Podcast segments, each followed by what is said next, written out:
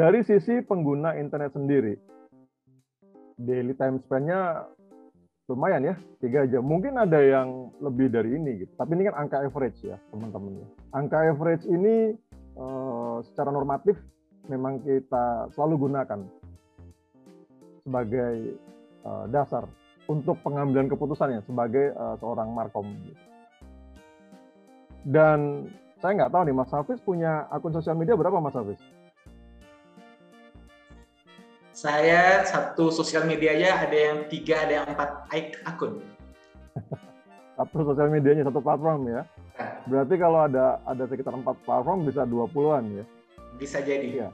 Oke, jadi dari data di sini uh, teman-teman uh, data female uh, sosial uh, apa pengguna sosial medianya yang cewek sama cowok itu juga sama. Artinya tipis-tipis. Uh, nah, bicara uh, data seperti itu uh, kita nggak perlu berpolemik. Oh, jadinya satu orang bisa punya banyak, terus datanya ini uh, gimana ya uh, mengenai margin errornya. Nah itu itu uh, ada di, di di di di keterangannya bahwa margin error dari dari uh, survei yang yang data yang saya di sini nggak lebih dari dari 1,3 persen. Nah kalau saya boleh lanjutkan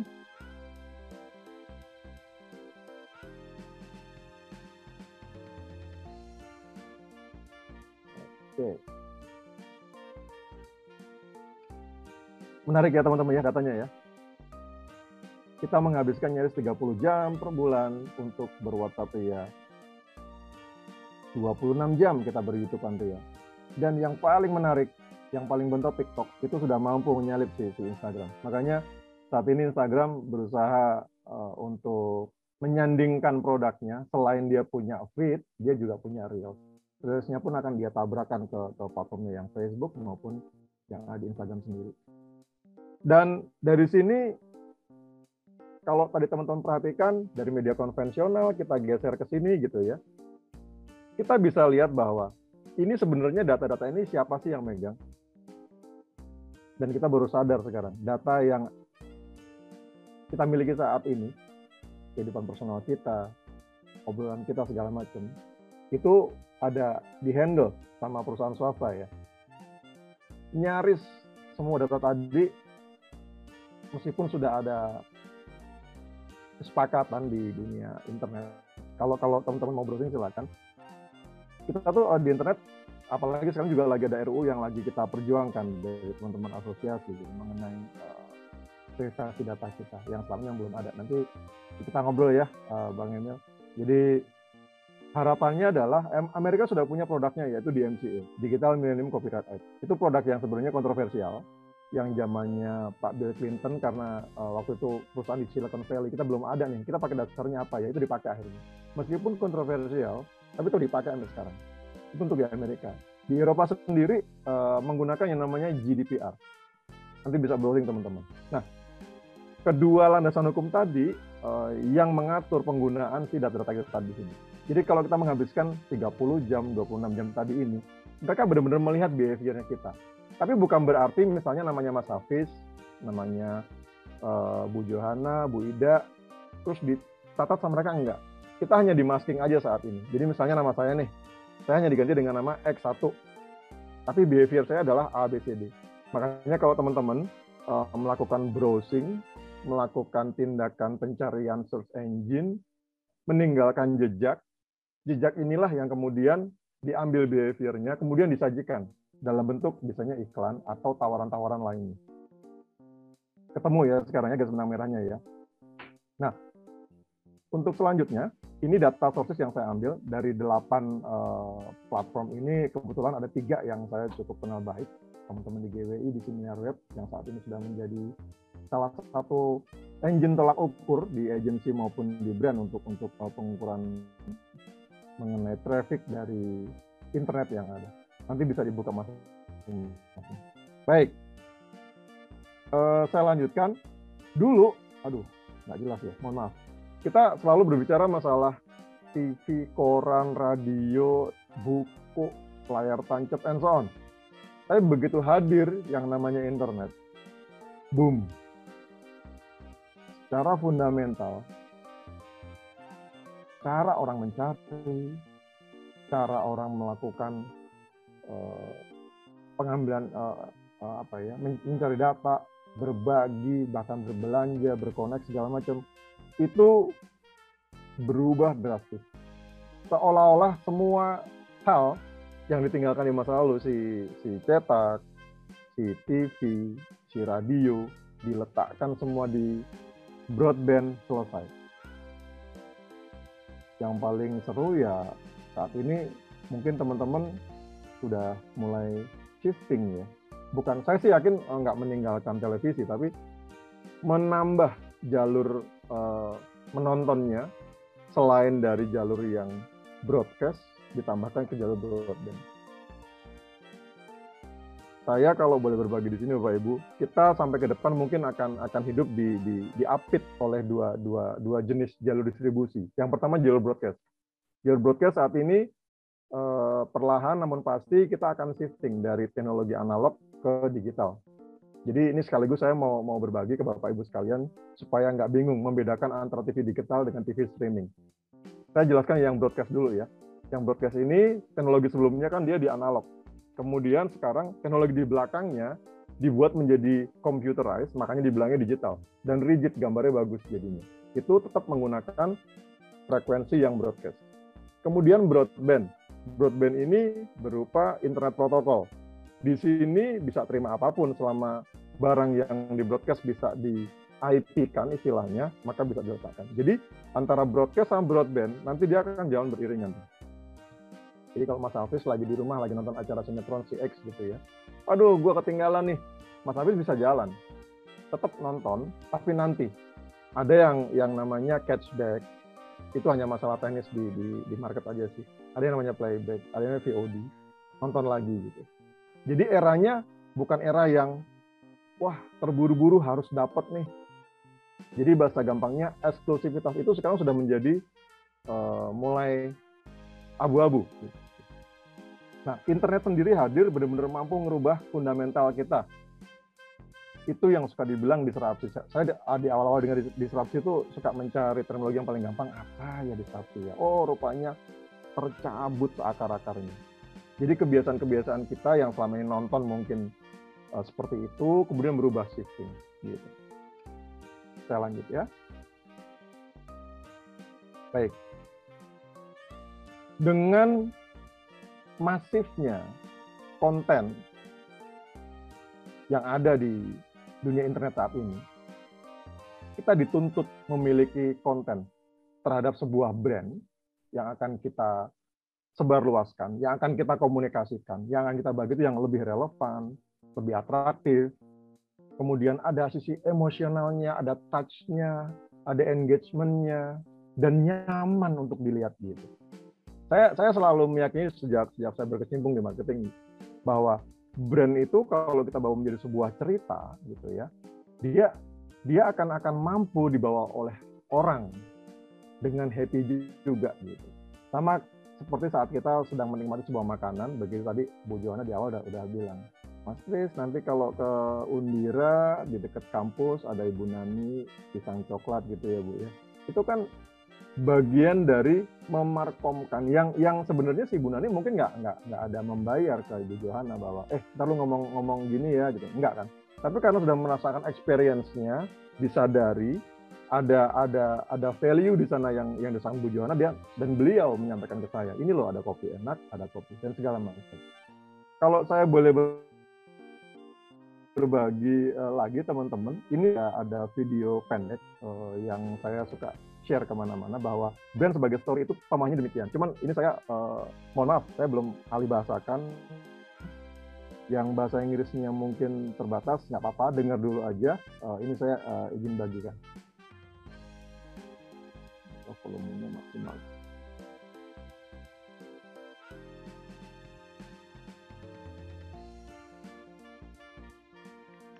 This seems obvious, even though it was controversial until recently. Brand is story.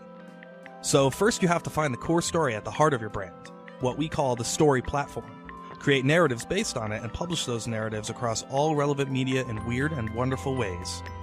As each story is published, it needs to be syndicated and shared with its intended audience where they're most likely to encounter those stories. Then use paid and free media, TV spots, events, paid search, and so on to let people know your content is out there. Content has to be easy to share so everyone can help spread the brand's stories. To make sure your audience can find your content when searching, everything must be optimized and tagged appropriately. So it goes round and round, driving results and effectiveness up, up, up, while driving media spend down, down, down. The best part comes next. Sustained by the brand's storytelling, the brand's fans add, syndicate, and share their own content. Comments, links, ratings, and entirely new versions.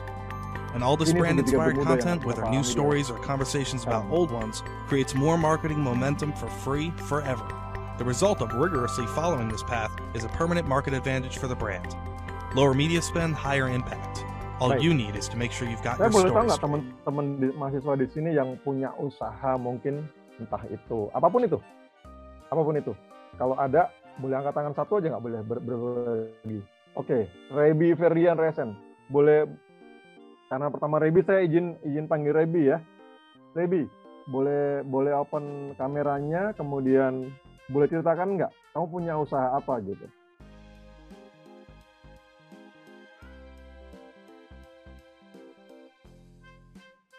Mbak, Mbak Sekar bantu kasih akses untuk Rebi barangkali.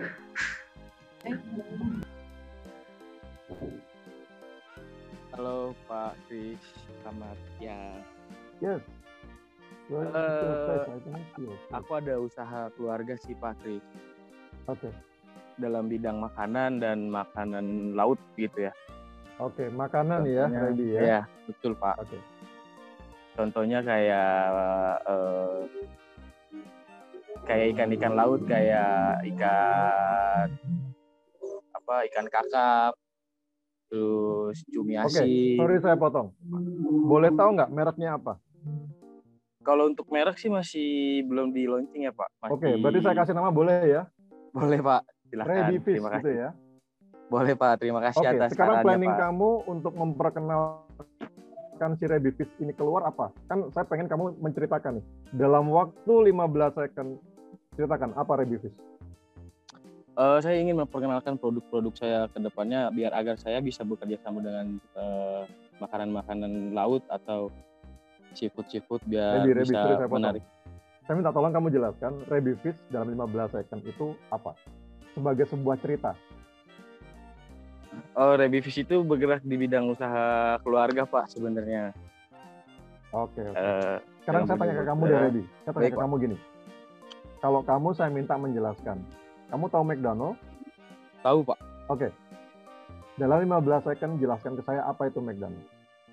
McDonald adalah tempat makan cepat saji untuk masyarakat yang kemungkinan males memasak gitu kali ya. Oke. Ada warna yang kamu ingat? Eh, kuning, hitam, merah. Kuning, hitam, merah. Oke. Thank you, Rebi. Teman-teman, Ya, Pak. saya kembali ke ke ke, ke eh, slide saya. Jadi, berbicara perihal brand is a story. Pertama, brand itu pasti memiliki promise. Tadi Rebi sampaikan, ini eh, usaha keluarga punya ikan. Kemudian bicara McDonald, ada makanan fast food, kemudian dia berwarna segala macam, ada lagi segala macam. Yang dijanjikan sama Ready Fish sama McDonald tadi sama, rasa. Artinya dia punya promise. Promise yang harus disampaikan ke orang.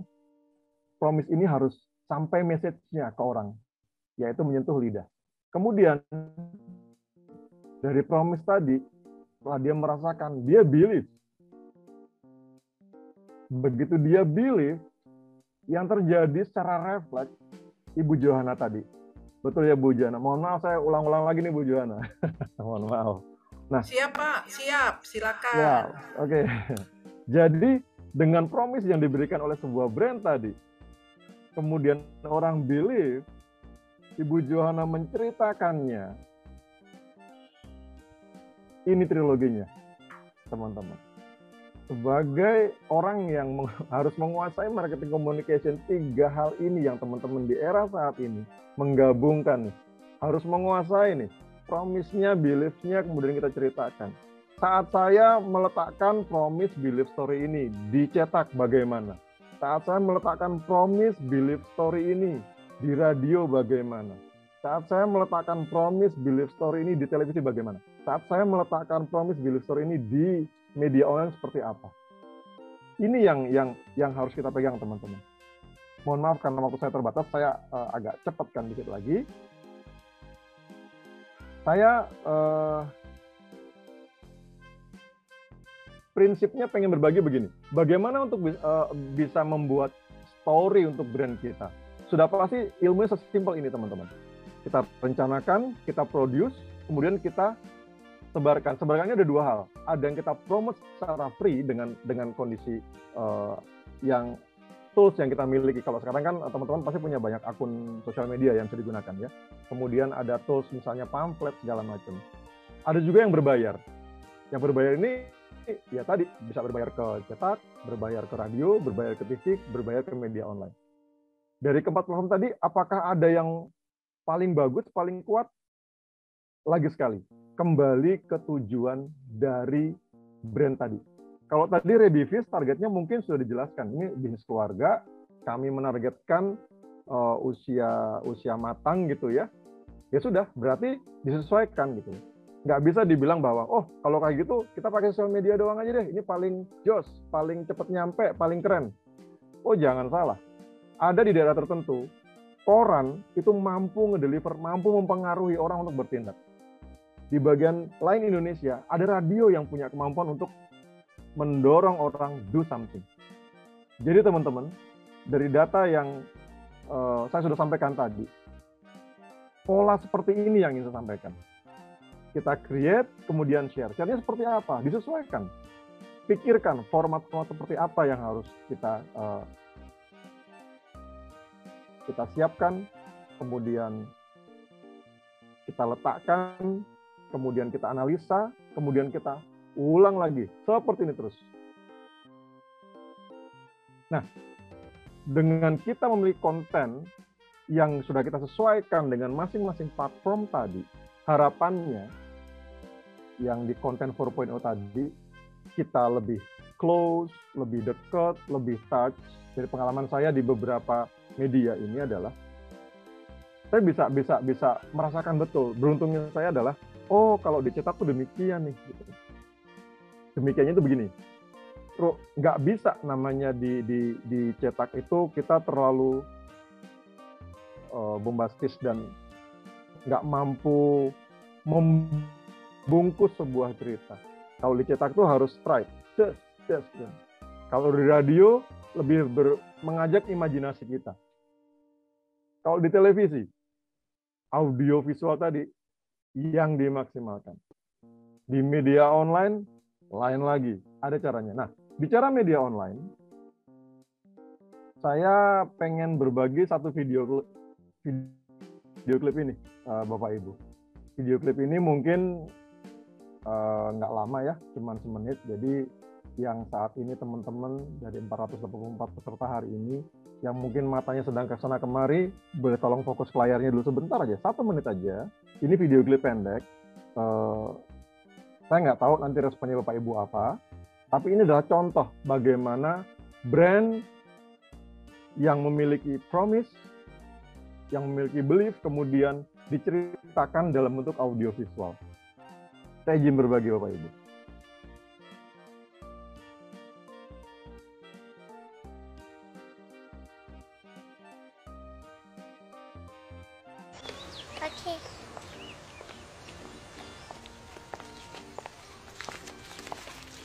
Daddy is the sweetest daddy in the world. Mm-hmm. Daddy is the most handsome.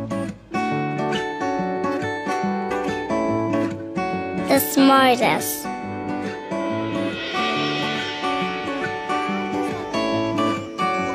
The most clever.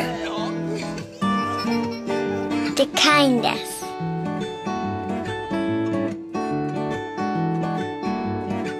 He is my Superman.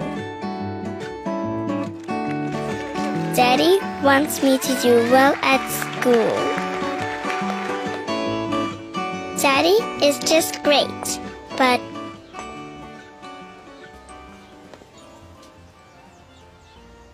he lies.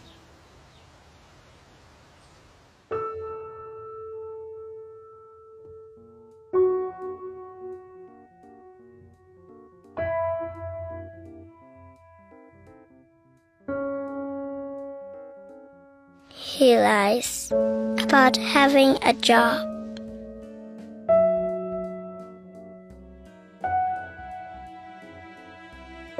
Lies about having money.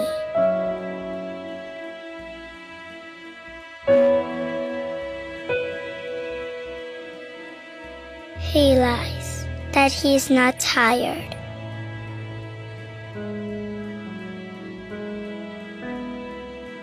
He lies that he's not hungry.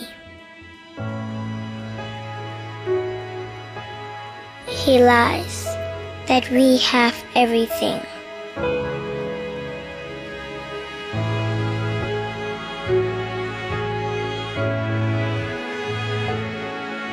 He lies about his happiness.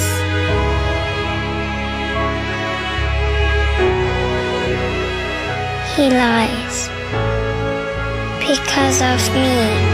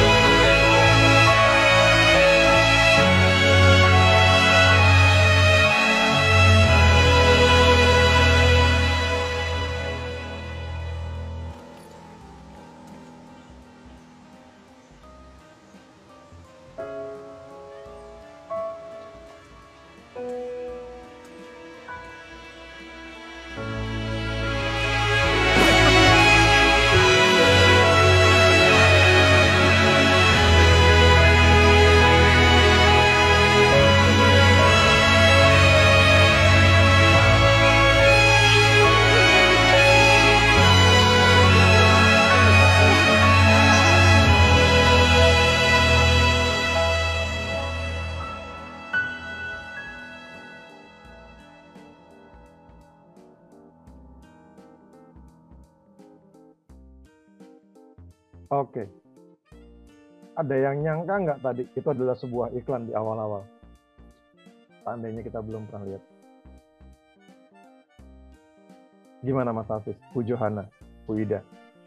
Sangat menyatu sekali. Ya.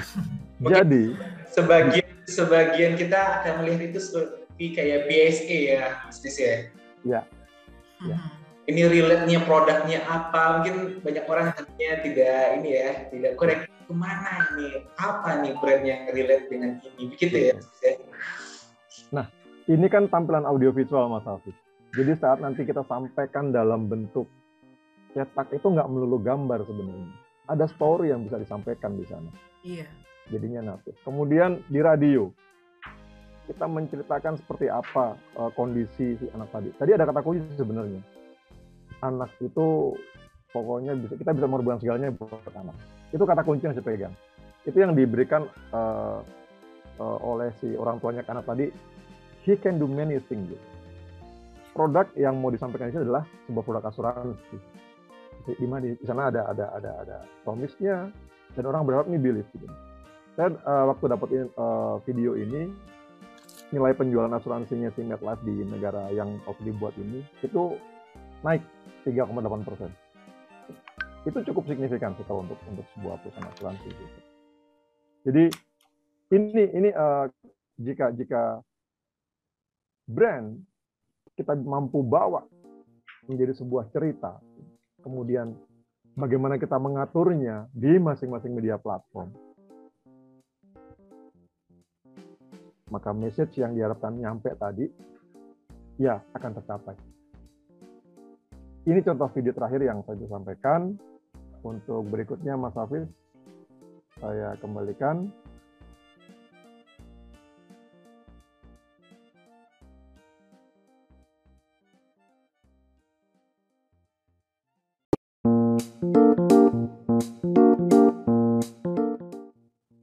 Oke, Let's discuss. Terima kasih. Oke, keren banget. Terima kasih, Mas Kris. Ya, di video terakhir itu kita bisa relate juga dengan tadi uh, ada empat pilar yang Mas Chris share juga uh, di selesai beberapa saat terakhir. Ada message, ada relevan, uh, mesti relevan sebuah konten itu dengan message yang pengen disampaikan. Lalu perlu uh, sebuah itu atraktif ya, dan kita bisa stay lama melihat konten itu sampai akhirnya message-nya apa. Lalu ada sisi emosional juga yang dibawakan ya di dalam konten tadi dan ada yang paling penting tadi juga Mas Kes juga bahas bahwa sebuah message atau konten yang kita sampaikan itu harus bikin nyaman uh, bagi penonton siapanya. Nah banyak sebenarnya yang nanti akan kita uh, ulas juga mengingat waktu uh, udah masuk sesinya kakak Emil mungkin sebelum kita nanti bahas gitu ya materi yang tadi disampaikan kakak apa Mas Kris kita persilahkan dulu narasumber kita yang kedua kakak Emil Franciscus Emilius. Untuk share uh, materi beliau. Lagi kakak Emil? Selamat pagi Mas Hafiz. Yes. Selamat pagi juga Mas Kris. Luar biasa tadi ya materinya. Luar biasa. Memang benar-benar tutup dengan satu yang menyentuh ya. Kayak di dunia media. Ya, gitu. Oke silakan kakak Emil. Baik uh, Mas Hafiz tadi saya sempat uh, WhatsApp Mas Hafiz untuk dibantu uh, share screen-nya tadi. Yes. Uh, kita dan ini. Uh, Mas Sekar boleh dibantu ya Mas Sekar ya untuk materi dari kakak Emil? Mungkin sambil dibantu saya uh, pengantar dulu. Oh ya, oke. Okay. Baik, saya nyambung dari apa yang disampaikan oleh Mas Kris pada bagian awal tadi terkait data-data yang disampaikan oleh APJI, Asosiasi Penyelenggara Jasa Internet Indonesia. Kebetulan dua hari lalu APJI merayakan ulang tahun ke-26. Saya sama tim Pak Menteri, eh, kita hadir pada acara tersebut. Lalu eh, saya memiliki sedikit kesempatan untuk berbincang sedikit dengan uh, Ketua APJI, masih muda juga, Mas Muhammad Arif, masih muda. Satu hal yang dia sampaikan kepada saya adalah, Mas Emil, pada tahun 2018, uh, eh, before COVID-19, itu penetrasi penggunaan internet di Indonesia itu masih sekitar 63 persen, 60-an persen lebih. Belum mencapai angka 70%. Dan naiknya itu sangat lambat. Tetapi ketika 2019 COVID-19 menyerang Indonesia, itu terjadi percepatan. Ada semacam akselera akselerasi pertumbuhan penggunaan uh, penggunaan aksesibilitas internet naik menjadi 73% lebih. Bahkan per beberapa bulan lalu itu sudah sampai 77% lebih. Mas Hafiz, Mas Kris itu sudah sampai 77% lebih sekian. Nah, dari 70-an persen lebih itu aktivitas penggunaan uh, aksesibilitas internet itu lebih banyak digunakan untuk uh, kanal media sosial. Itu sampai 4 94 persen lebih. Artinya bahwa uh, kita tidak menafik bahwa COVID-19 ini memang merupakan sebuah ancaman, tetapi lebih daripada ini itu semacam blessing in disguise sehingga kita bisa bertransformasi lebih cepat.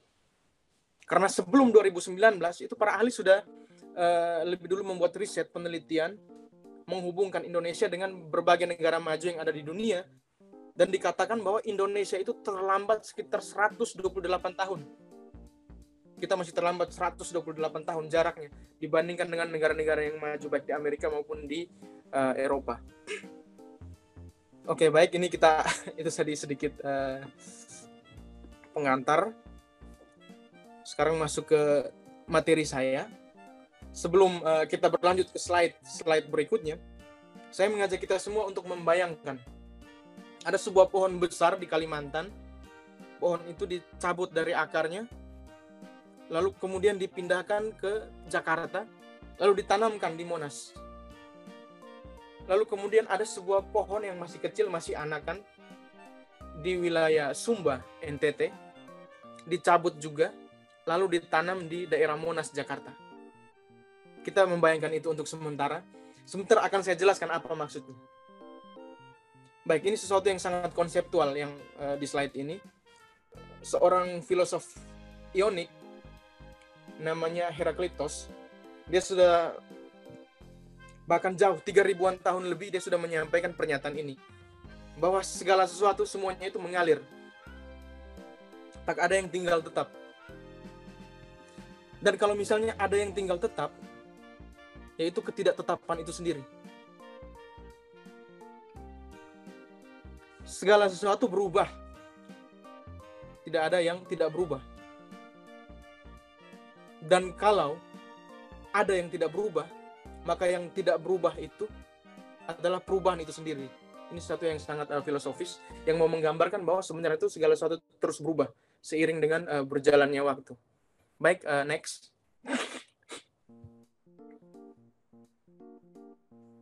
Baik, ini hal-hal uh, yang berhubungan dengan perubahan. Ada faktor eksternal, yaitu faktor luar yang mendorong terjadinya perubahan. Lalu ada juga faktor internal, bahwa perubahan itu harus diadaptasi. Kita mau berubah untuk tetap hidup, tetap bertahan, atau kita tidak mampu, atau kita tidak ingin berubah, lalu kita mati. Jadi, ketika sebuah perusahaan atau seorang pribadi sekalipun, ketika dia mau mencapai sebuah perubahan, harus ada dua faktor ini, faktor eksternal dan internal dua hal ini yang membuat suatu perubahan itu bukan hanya sekedar konseptual tetapi bisa sampai kepada suatu aktus. Baik, kita lanjut.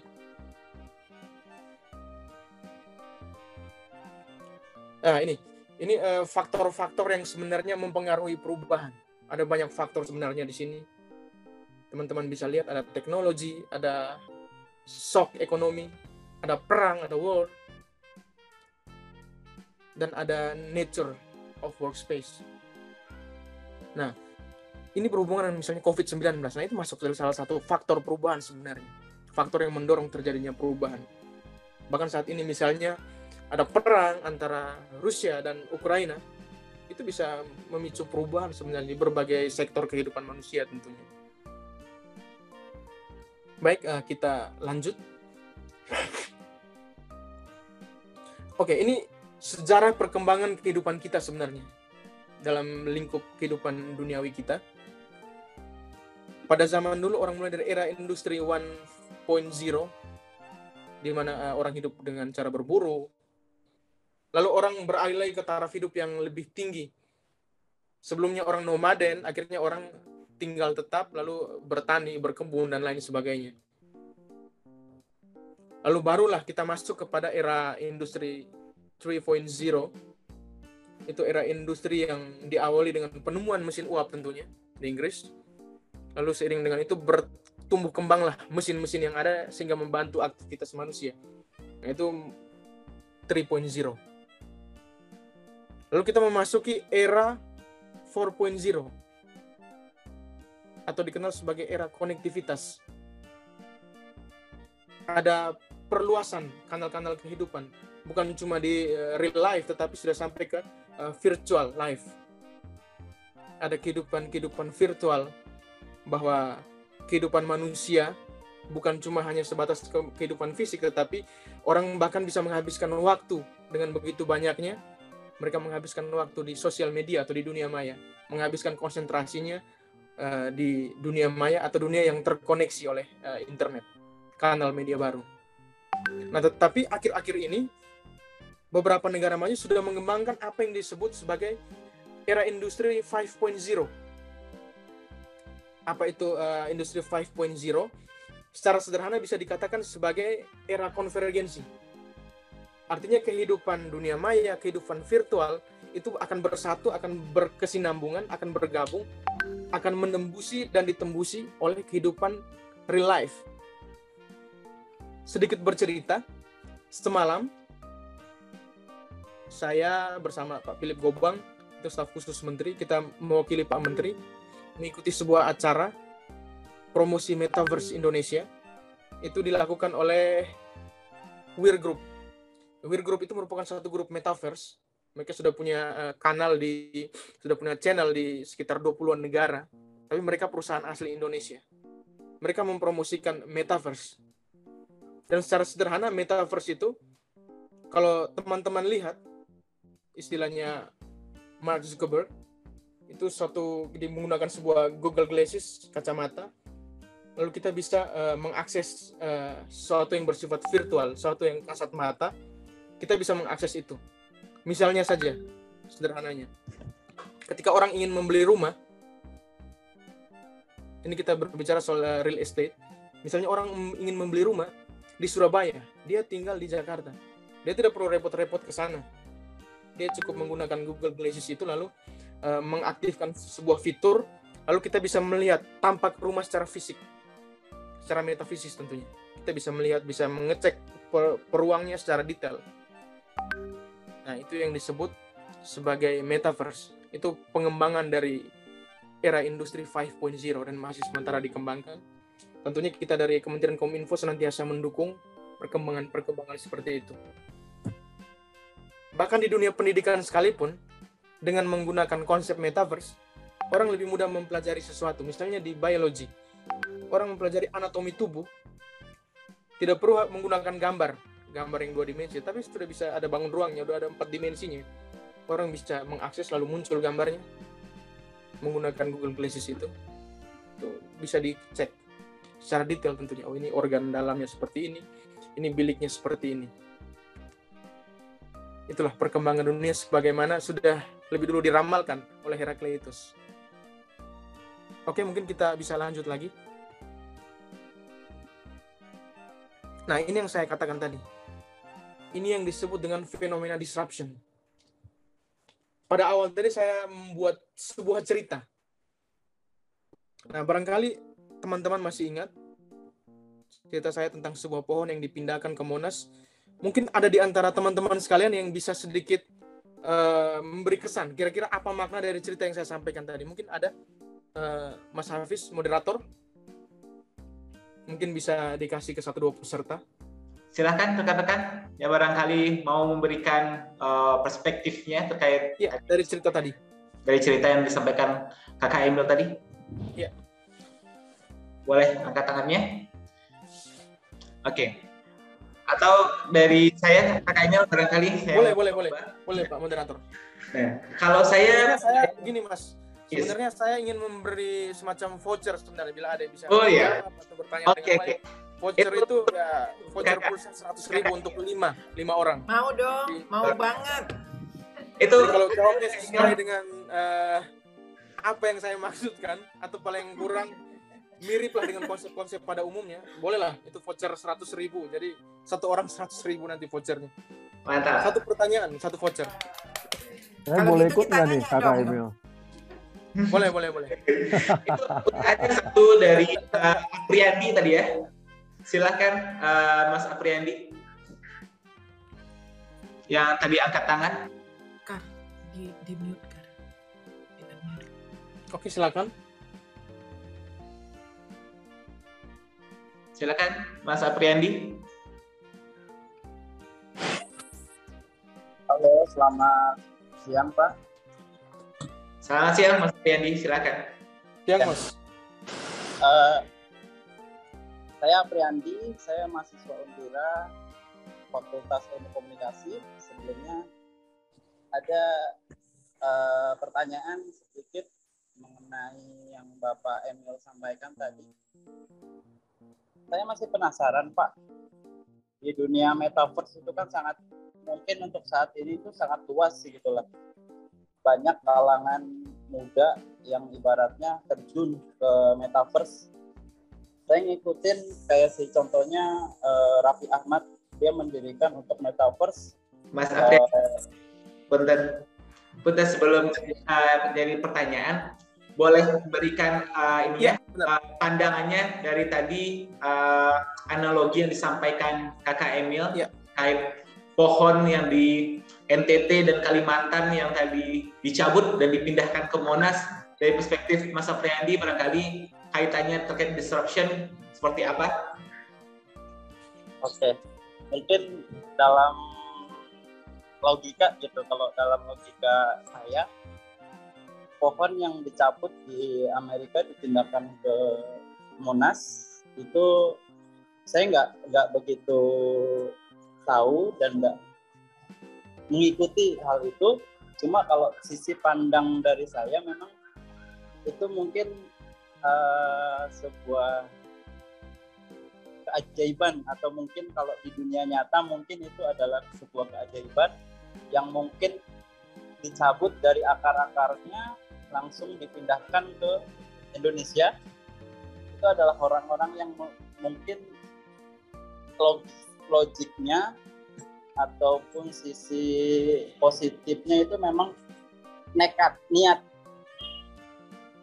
Itu kalau pandangan saya cuma kalau memang di mengutip dari dunia digital atau uh, modern zaman sekarang ya apa pun bisa dilakukan. Oke, itu suatu hal yang menarik ya. Boleh lah nanti voucher seratus ribu nanti ya. Alhamdulillah. Di, uh, di dikondisikan dengan uh, Bu Joana. Saya akan saya proses. Ini sebuah janji okay. sebenarnya. Janji, tapi saya yang memproses juga. Saya dikasih nggak? Bu Yana. Oke, okay, eh, apaan? Tadi ada bahasa out of mind sebenarnya satu kata kunci sebenarnya itu satu hal yang luar biasa sebenarnya. Jadi orang-orang yang disruptor itu itu dikatakan oleh uh, Elon Musk itu orang-orang yang gila. Bahkan Elon Musk itu dikatakan oleh banyak orang itu orang gila. Nah, dia terus melakukan disruption disruption.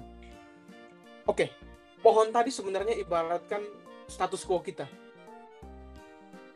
kita berada pada suatu titik, kita berada pada suatu wilayah, kita berada pada suatu lingkungan. Lalu tanpa kita sadari kita dicerabutkan dari akar-akar, kita mengalami apa yang disebut worthlessness, ketiadaan dunia. Lalu kita dipindahkan ke suatu lingkungan baru, ke suatu tempat yang asing menurut kita. Di situ ada dua pilihan. Apakah kita mau menyelesaikan diri dengan tanah, struktur bebatuan, iklim, suhu, yang ada di wilayah baru tersebut atau di Monas itu? Atau kita masih mempertahankan yang lama? Wah saya nggak bisa menyelesaikan diri dengan situasi ini nih. Saya mau pulang kembali ke Kalimantan atau NTT itulah disruption. Ketika orang mampu menyelesaikan diri atau suatu perusahaan suatu kehidupan mampu menyesuaikan diri dengan lingkungan atau habit barunya dia akan mengalami apa yang disebut transformasi tetapi ketika ia tidak mampu menyelesaikan diri, maka dia akan mati. Pohon itu akan mati. Itu bahasa sederhananya dari disruption. Oke, kita next. Next slide. Nah, ini dia. Kata disruption itu sebenarnya pertama kali sudah diperkenalkan sangat lama oleh Christensen itu pada tahun 1997. Bahkan 1994 dia lebih dulu sudah menulis esai yang berhubungan dengan disruption. Nah, ini inovator dilema ini suatu buku karyanya sendiri. Ia menulis perbandingan antara uh, suatu kehidupan yang mengalami disruption dan kehidupan yang bersifat status quo. Ada pertentangan nilai di sana. Dan orang lebih cenderung memilih atau beralih ke sesuatu yang bersifat disruption. Mengapa demikian? Dalam bahasa Christensen ini sangat konseptual. Dia mengatakan bahwa disruption itu menyediakan suatu simplisitas, kemudahan, kesederhanaan, lalu memiliki aksesibilitas yang baik, memiliki keterjangkauan, memberikan kenyamanan, convenience, dibandingkan dengan kehidupan status quo yang lama, yang penuh dengan komplikasi, yang penuh dengan high cost atau berbiaya tinggi. Sekarang, bahkan orang sudah bisa memesan makanan, menggunakan kendaraan, cukup dengan menggunakan gadget. Dengan gadget, orang bisa melakukan apa saja. Orang bisa memesan, orang mengalami kemudahan di situ. Orang bisa merasa nyaman di situ. Dia pergi ke mana-mana tidak perlu lagi membawa uang, uang cash. Dia cukup menggunakan GoPay, dia cukup menggunakan berbagai macam uh, keuangan digital atau keuangan virtual yang ada yang sudah disediakan oleh karena disruption itu sendiri. Nah, kehidupan yang mudah ini, ini yang disebut sebagai disruption. oleh seorang Christensen. Oke, kita lanjut. Baik, sebenarnya Christensen itu dia membandingkan, penelitiannya itu dia membandingkan suatu perusahaan yang kecil, yang tidak terlalu banyak orang, yang tempatnya tidak terlalu besar, tapi mampu menyaingi perusahaan besar dengan manajemen yang begitu ketat, bahkan mampu bersaing, bahkan bisa mengalahkan perusahaan yang status quo-nya sudah sangat besar itu. Nah, dalam bahasa Christensen sebenarnya, ini saya coba rangkum dari buku di Inovator Dilema itu, teman-teman bisa akses bukunya, nanti akan saya kirimkan bukunya ini ada tiga hal dalam hubungan dengan disruption. Yang pertama itu disruption itu mengarah pada disruption dari sisi fisik. Pertumbuhan dan perkembangan alat teknologi. Robotik. Robotik kita jangan bayangkan seperti film Terminator, tapi satu hal yang sederhana. Misalnya, teman-teman sekarang menggunakan mobil, masuk tol, itu sudah ada GTO kan? Itu gerbang tol otomatis itu salah satu contoh dari disruption dari sisi teknologi robotik. Bahkan masih banyak lagi contohnya. Kalau teman-teman lihat di internet, di YouTube itu sangat banyak contohnya. Alat teknologi pun juga berkembang. Dulu, handphone itu hanya digunakan untuk SMS. Hanya digunakan untuk saling telepon. Tetapi sekarang sudah terjadi pergeseran paradigma handphone ini beberapa tahun lalu, bahkan sekitar 10 tahun lalu, sudah menjadi kebutuhan primer.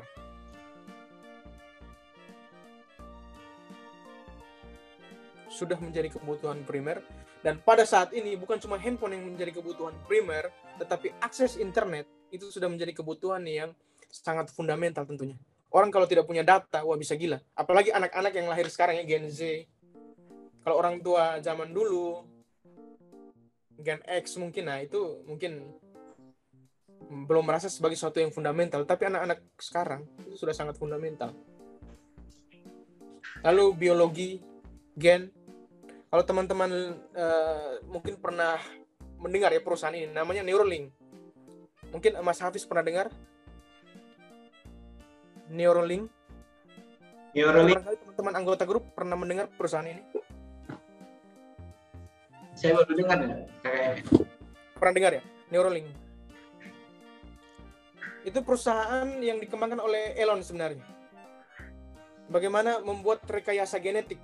Ini satu disruption sebenarnya. Jadi eh, teknologi itu chip itu bahkan bisa di bukan cuma menempel ke kita tapi bisa bersatu dengan kita.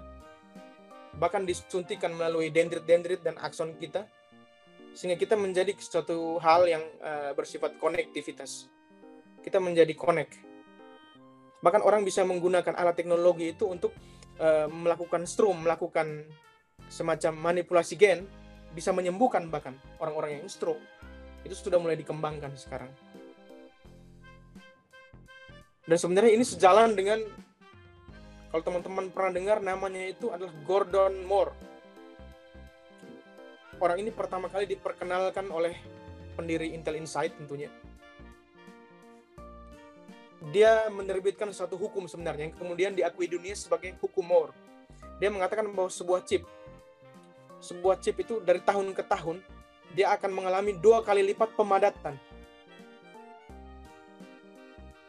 Konsekuensi dari pemadatan itu adalah ukuran chip. Semakin hari, semakin waktu akan semakin kecil. Dan ini benar-benar berlaku sampai saat ini.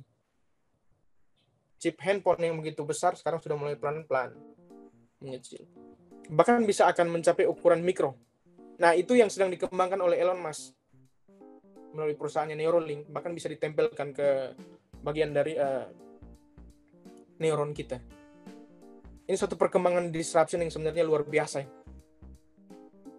Oke, yang ketiga, disruption itu menyangkut transformasi digital. Internet of Things, artificial artificial intelligence, lalu cyber security, lalu ada lagi yang baru dikembangkan oleh PT WIR yang kemarin kami uh, sempat berjumpa dengan teman-teman dari WIR. Namanya augmented reality. Augmented reality itu yang yang yang akan diwujud nyatakan melalui uh, geliat metaverse nanti. Bagaimana kehidupan nyata dan kehidupan virtual itu bergabung menjadi satu. Oke, kita lanjut. mudah-mudahan ini nggak terlalu berat ya materi ini ya. Mudah-mudahan untuk teman-teman mahasiswa. Tapi nanti bisa kita gali lagi eh, di sesi tanya jawab tentunya. Oke ini teman-teman bisa lihat. Dengan berkembangnya teknologi bisnis sudah mulai pelan-pelan beralih mulai dari penyediaan barang menjadi jasa perusahaan-perusahaan jasa itu semakin berkembang dari waktu ke waktu. Gojek, dia tidak perlu memiliki barang yang bersifat fisik. Dia menyediakan akses, dia menyediakan jasa dengan menggunakan link tadi. Maka dia bisa mendisrupsi semua hal yang berhubungan dengan uh, industri otomotif. Ini suatu hal yang sebenarnya menjadi peluang bagi teman-teman mahasiswa bisa mengambil bagian di bidang ini sebenarnya. Karena berhubungan dengan industri jasa itu masih sangat banyak hal yang bisa kita gali sebenarnya. Siapa menyangka, siapa menyangka ya, angkot-angkot dulu tuh begitu banyak. Tetapi seiring dengan berjalannya waktu semakin berkurang. Bahkan sopir-sopir taksi sudah meling ke Google, sudah meling ke internet, sudah meling ke Gojek sudah melink ke berbagai macam hal yang berhubungan dengan uh, konektivitas digital. Untuk apa? Untuk mencapai pasar yang semakin luas. Untuk melakukan ekspansi pasar. Oke, kita lanjut lagi. Pada zaman dulu, eh, mungkin teman-teman tahu apa ini? Teman-teman mahasiswa mungkin tahu? Ada yang pernah megang kedua alat ini? Mas Hafiz barangkali ada teman-teman mahasiswa yang pernah uh, memegang secara fisik atau pernah melihat secara langsung? Ajak yang angkat tangan itu Kakak Emil. Ada lima, terus nah ada yang kurang terus. Ada lah. Kalau yang masih 90-an masih uh, megang kayaknya Kakak Emil. Ini antara dua nih, antara milik pribadi atau milik orang tua atau milik kakek. Iya. Antara itu. yeah. Kalau Nokia saya punya, tapi secara khusus itu saya gunakan untuk uh, ini melempar ayam. Aduh. kita kejar, kita lempar aja. Benar. Yang satunya lagi ada yang namanya floppy disk ya, kayak Emil ya. Ada yang tahu, ada yang tahu. Ini apa? Yang sebelah kiri, ujung kiri. PC itu. Oh, ini. itu komputer awal saya belajar kakak Emil. Oh siap masih pakai DDoS, disket, kemudian belajar bahasa program sederhana waktu itu. Wah, kalau PIDIS tiga setengah ya, uh, Mas Chris. Ketahuan angkatannya ya, Fis ya. Belum ada tuh yang nama USB gitu ya. Belum Wah. ada. Apalagi komputer masih PC disket sekarang. namanya ya, kakak Emil ya. Disketnya juga masih disket yang model dulu, layarnya masih hitam lagi. Masih hitam, benar. Dulu waktu komputer jenis ini ditemukan, para ahli beranggapan bahwa komputer itu plakatnya udah seperti ini. Udah nggak bisa diutak atik lah. Ini ini komputer seperti ini. Nggak mungkin komputer bisa lebih kecil, lebih slim. Tetapi apa? Waktu membuktikan, disrupsi, disruption membuktikan, perkembangan teknologi membuktikan bahwa sekarang dengan gadget sekalipun kita bisa mengakses komputer tidak harus menggunakan PC tabung sebesar ini tentunya. Ini saya mau uh, recall lagi tadi yang disampaikan oleh uh, Mas Kris sebenarnya berhubungan dengan industri penyiaran. Industri penyiaran kita tuh mulai mulai berubah, kita sudah mulai beralih ke analog switch off. Itu kebetulan kami dari Kominfo kami menangani secara khusus tentang itu dari sisi regulasi.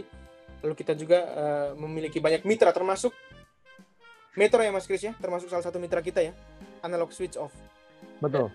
Sebagai salah satu pemenang multiplexing kita. Ya, salah satu penyelenggara MUX yang uh, gabung sama kita. Nah, apa itu sebenarnya penyiaran digital? Saya mau menjelaskan sedikit di sini. Dulu kita masih menggunakan frekuensi analog. Frekuensi analog itu modelnya itu gelombangnya itu longitudinal, naik turun, kayak gelombang radio. Nah, itu kita masih pakai itu kalau handphone 2G atau G2. Nah, ini Nokia masih pakai itu waktu itu. Masih pakai sinyal SMS. Nah, frekuensi analog ini juga digunakan di eh, dunia penerbangan, juga digunakan di eh, dunia siaga bencana seperti BMKG. BMKG menggunakan frekuensi yang sama, itu frekuensi analog. Nah sekarang kita secara perlahan mulai beralih ke frekuensi yang bersifat digital. Ini banyak manfaat sebenarnya. Ini kita lihat dari perubahan industri siaran. Kalau dulu satu kanal frekuensi analog hanya bisa diisi oleh satu program. Mungkin benar ya Mas Kris ya? Hanya bisa diisi oleh satu program. Betul, betul. Tapi pada saat ini ketika kita beralih ke digital, satu frekuensi siaran itu bisa masuk 12 kanal siaran. Dan itu itu itu benar ya Mas Kris ya? Mungkin sebagai uh, pelaku bisa bisa bisa lihat itu suatu lebih tepatnya sekitar. 8 sih kakak Emil karena kalau kalau uh, kapasitas multiplexing itu bergantung dari besaran daya yang digunakan misalnya satu channel perlu ada yang 2 Mbps atau 4 Mbps gitu kan. benar-benar. Artinya bahwa dia jauh lebih banyak berkali-kali lipat dibandingkan dengan eh, frekuensi analog. Sehingga frekuensi analog itu bisa dimaksimalkan untuk hal-hal lain. Misalnya maksimalisasi siaga bencana, lalu digunakan untuk industri penerbangan dan lain sebagainya. Sehingga terjadi eh, demarkasi antara frekuensi satu dan frekuensi lainnya, kanal satu kanal lainnya, unit usaha satu dan unit usaha lainnya. Ini suatu hal yang luar biasa sebenarnya yang perlu kita sambut baik tentunya. Bahkan melalui analog, eh, sorry, melalui siaran digital ini, teman-teman muda bisa menciptakan konten-konten kreatif. Itu lebih mudah sebenarnya. Teman-teman bisa menciptakan konten lalu bisa melink ke penyelenggara MUX yang bersangkutan. Lebih mudah bahkan. Ini salah satu digital dividend yang bisa dimanfaatkan oleh teman-teman muda. Mau promosi jualan pun juga lebih mudah. Bisa melink ke televisi sebenarnya. Bahkan biaya sewanya juga mungkin nggak terlalu mahal ya Mas Kris ya. biaya sewanya ya bervariasi Tergantung- sih kakak Emil tiap tempat berbeda-beda soalnya tergantung populasi model, itu yang model penting. channel yang mau dipakai. tapi lebih terjangkau dibandingkan dengan dia Ya, lebih terjauh, lebih terjangkau.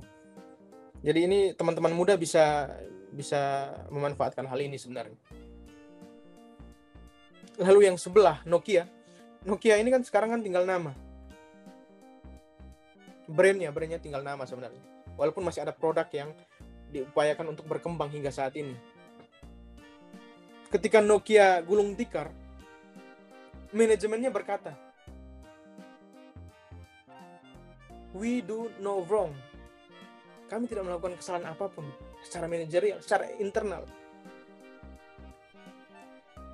Tetapi gulung tikar akhirnya. Artinya apa? Nokia mengalami gulung tikar karena dia tidak mampu menyelesaikan diri atau tidak mau menyesuaikan diri dengan situasi dunia, situasi eksternal yang berkembang dan berubah. Seperti di awal materi saya tadi, faktor yang mempengaruhi perubahan internal dan eksternal. Jadi mau manajemen sebagus apa pun juga tapi tidak mau atau tidak mampu menyelesaikan diri dengan situasi dunia yang terus mengalami perubahan dari waktu ke waktu, yang terus bertransformasi, itu menjadi masalah sebenarnya. Itu yang dialami oleh Nokia tentunya. Oke, baik kita next.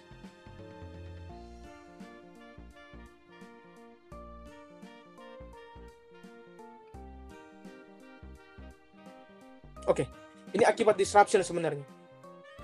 Ini sudah ada penelitian dari The Future of Jobs dari World Economic Forum bahwa pada tahun 2025 ini di Indonesia akan terdapat sekitar 43% pelaku industri yang melakukan reduksi akibat integrasi ekonomi. Konsekuensinya apa? 85 juta pekerjaan akan hilang. Itu konsekuensi.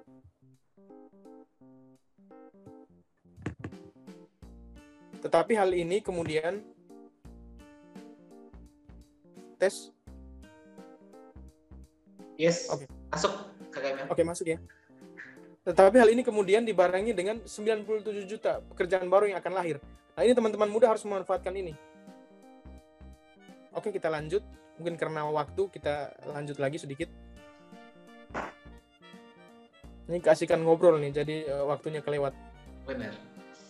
Oke lanjut. Karena menarik sekali nih fakta-fakta yang disampaikan Kak Emil ini. Eh, mungkin di- boleh dilanjut, admin.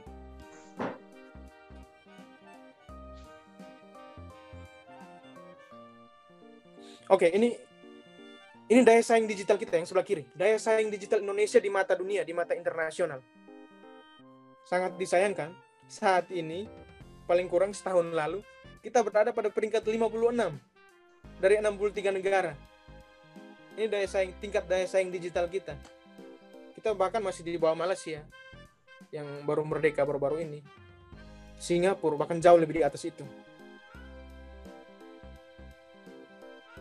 Nah, yang sebelah kanannya, ini prediksi dari Bank Dunia, bahwa pada tahun 2045, menyongsong era Indonesia maju, itu kita membutuhkan sekitar 18 juta tenaga kerja atau SDM berbasis digital.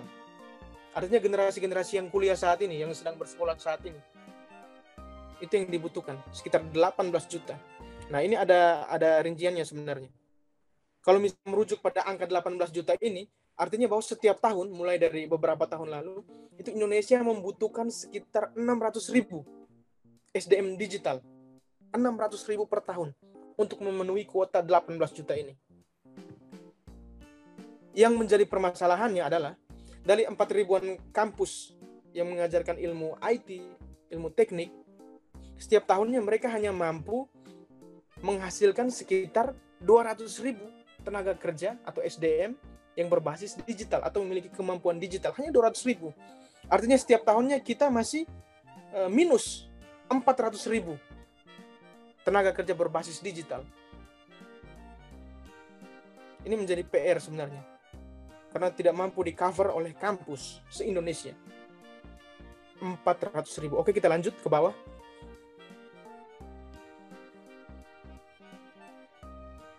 Oke lanjut.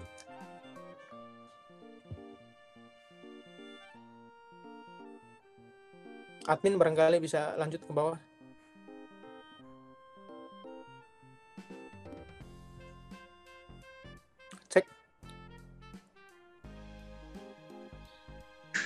Artinya jauh sekali kita ketinggalan ya Kak Emil ya.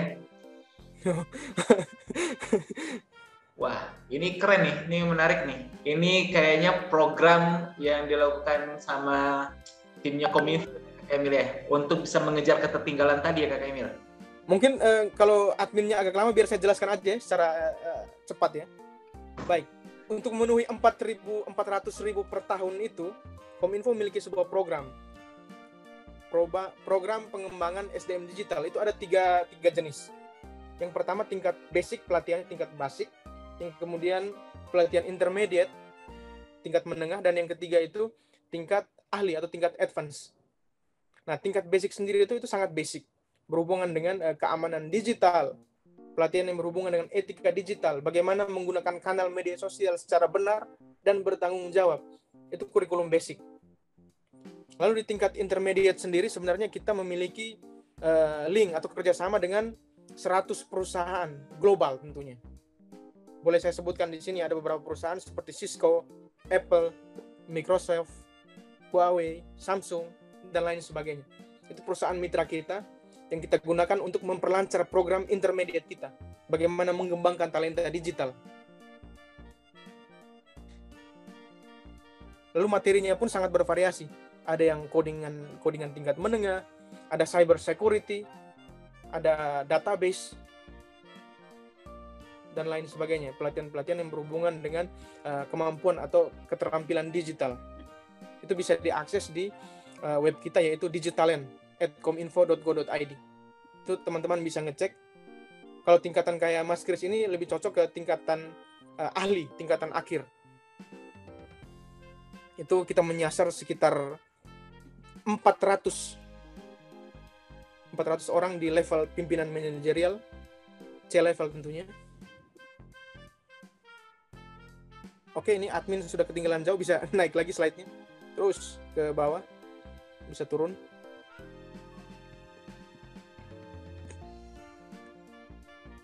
Halo, admin? Iya, Pak. Ini udah slide yang terakhir, Pak. Oh, udah slide terakhir ya? Iya. Itu ada keterangan tuh, 13 dari 23. Bentar, Pak. Uh, yang di situ... Langsung ke bagian oh. akhir aja nggak apa-apa? Langsung ke bagian ya, akhir. udah, Pak. Ini udah, Pak. Nggak bisa ini, nggak bisa naik naik lagi ya? Turun lagi ya? Ini, Pak. atau yang mana lagi? Ke Ini bagian halaman di, 23. di layar saya itu tulisan dis disruption. Ini di layar Oh. Berbeda atau mungkin dari internetnya, Pak? Ini berbeda nih yang ditampilkan. Eh, ya, Kak, Kakak Emil ya. Oh, berbeda dengan yang ditampilkannya. Disruption of Marcom. Yes. Ya. Di tempat Kak Emil, apakah seperti ini tampilannya? Masih masih ini masih mungkin jaringan ya. Berarti Kakak Emil punya jaringan yang tidak betul. Waduh ini PR besar nih untuk kami sendiri sebagai penyelenggara jaringan. Bagaimana ini jaringan ini kayaknya? Nggak boleh nyebut jaringan ya, Bu? ya? Oh nggak boleh ya Pak ya. Mohon maaf. Jadi kesalahannya di mana dong? Kesalahan kayaknya. Kayaknya di. Nanti setelah pindah ke TV digital, harapannya hal seperti ini akan jauh berkurang kok, Bu. Harapannya gitu ya. Betul ya, Kak Emil ya? Itu harapan kita sebenarnya. Itu bagian Oke, Marcom disruption ya. Saya ini yang bagian paling terakhir ya. Ini begini, kalau teman-teman lihat itu adalah five finger of marketing communication. Kalau teman-teman lihat itu ada ada promosi, ada personal selling, Yang lima Mbak jari tadi. Eva ya? Mundur. Mbak Eva mundur. Baik, Yang ada tangan. Yang ada tangan. saya ada tangan. ya yang ada tangan tadi. Yang ada tangan. Izin. Oke. Nah, iya. Nah. Oke, ini bagian dari marketing komunikasi sebenarnya kalau teman-teman lihat. Lalu yang di sebelah kanannya dari Laswell itu konsep paling purba tentang komunikasi. Siapa mengatakan apa, melalui channel apa, kepada siapa lalu efeknya apa. Tapi kita tidak berbicara soal efek, kita berbicara soal feedback. Karena konsep Laswell ini lebih ke komunikasi satu arah sebenarnya. Kita mau melihat komunikasi yang sifatnya dua arah. Yep. Nah, di setiap jari ini setiap jari ini memiliki konsep komunikasi. Mulai dari siapa mengatakan apa melalui channel apa lalu kepada siapa efeknya apa. Ada semua. Ketika orang melakukan promosi narasi apa yang mau disampaikan? Lalu melalui channel apa? Channel yang sesuai dengan target market kita. Ini yang perlu diperhatikan oleh uh, teman-teman yang sedang melakukan usaha atau sedang merintis usaha-usaha baru seperti tadi ya. Ini penting. Bagaimana merumuskan usaha saya itu dalam bentuk apa, lalu dipromosikannya dalam bentuk apa, itu menjadi sangat penting. Kami dari Kominfo juga sebenarnya selama ini selalu memfasilitasi uh, scaling up UMKM-UMKM yang ada. Target kita itu tahun 2024 adalah 24.000 UMKM sudah terdigitalisasi. Hingga tahun ini sudah sekitar 13 ribuan UMKM yang scaling up ke digital. Nah, kita berharap ini ke depannya bisa semakin baik. Tentunya Pak Menteri sebenarnya beberapa waktu selalu memberi- berbicara bahwa perubahan ke dunia digital atau transformasi digital tidak bisa diupayakan sendiri oleh pihak pemerintah dalam hal ini kok. Tapi butuh kolaborasi yang sifatnya sebenarnya itu adalah pentahelix. Kita butuh kerjasama dengan orang-orang ahli seperti Mas Kris dari sektor swasta. Kita butuh kolaborasi dengan kampus. Kita butuh kolaborasi dengan media. Kita butuh kolaborasi dengan masyarakat sebenarnya yang menjadi sasaran sekaligus eh, apa yang ingin kita harapkan dari transformasi digital itu sendiri. Nah, kerjasama ini yang kemudian membuat kita akan mampu mencapai apa yang disebut transformasi digital. Sehingga peringkat kita dari 56 bisa turun, bisa turun. Bahkan kita berharap pada usia Indonesia emas nanti kita sudah bisa masuk eh, 20 besar tentunya. Oke, baik. Mungkin eh, itu dulu ya dari saya ya. Oke.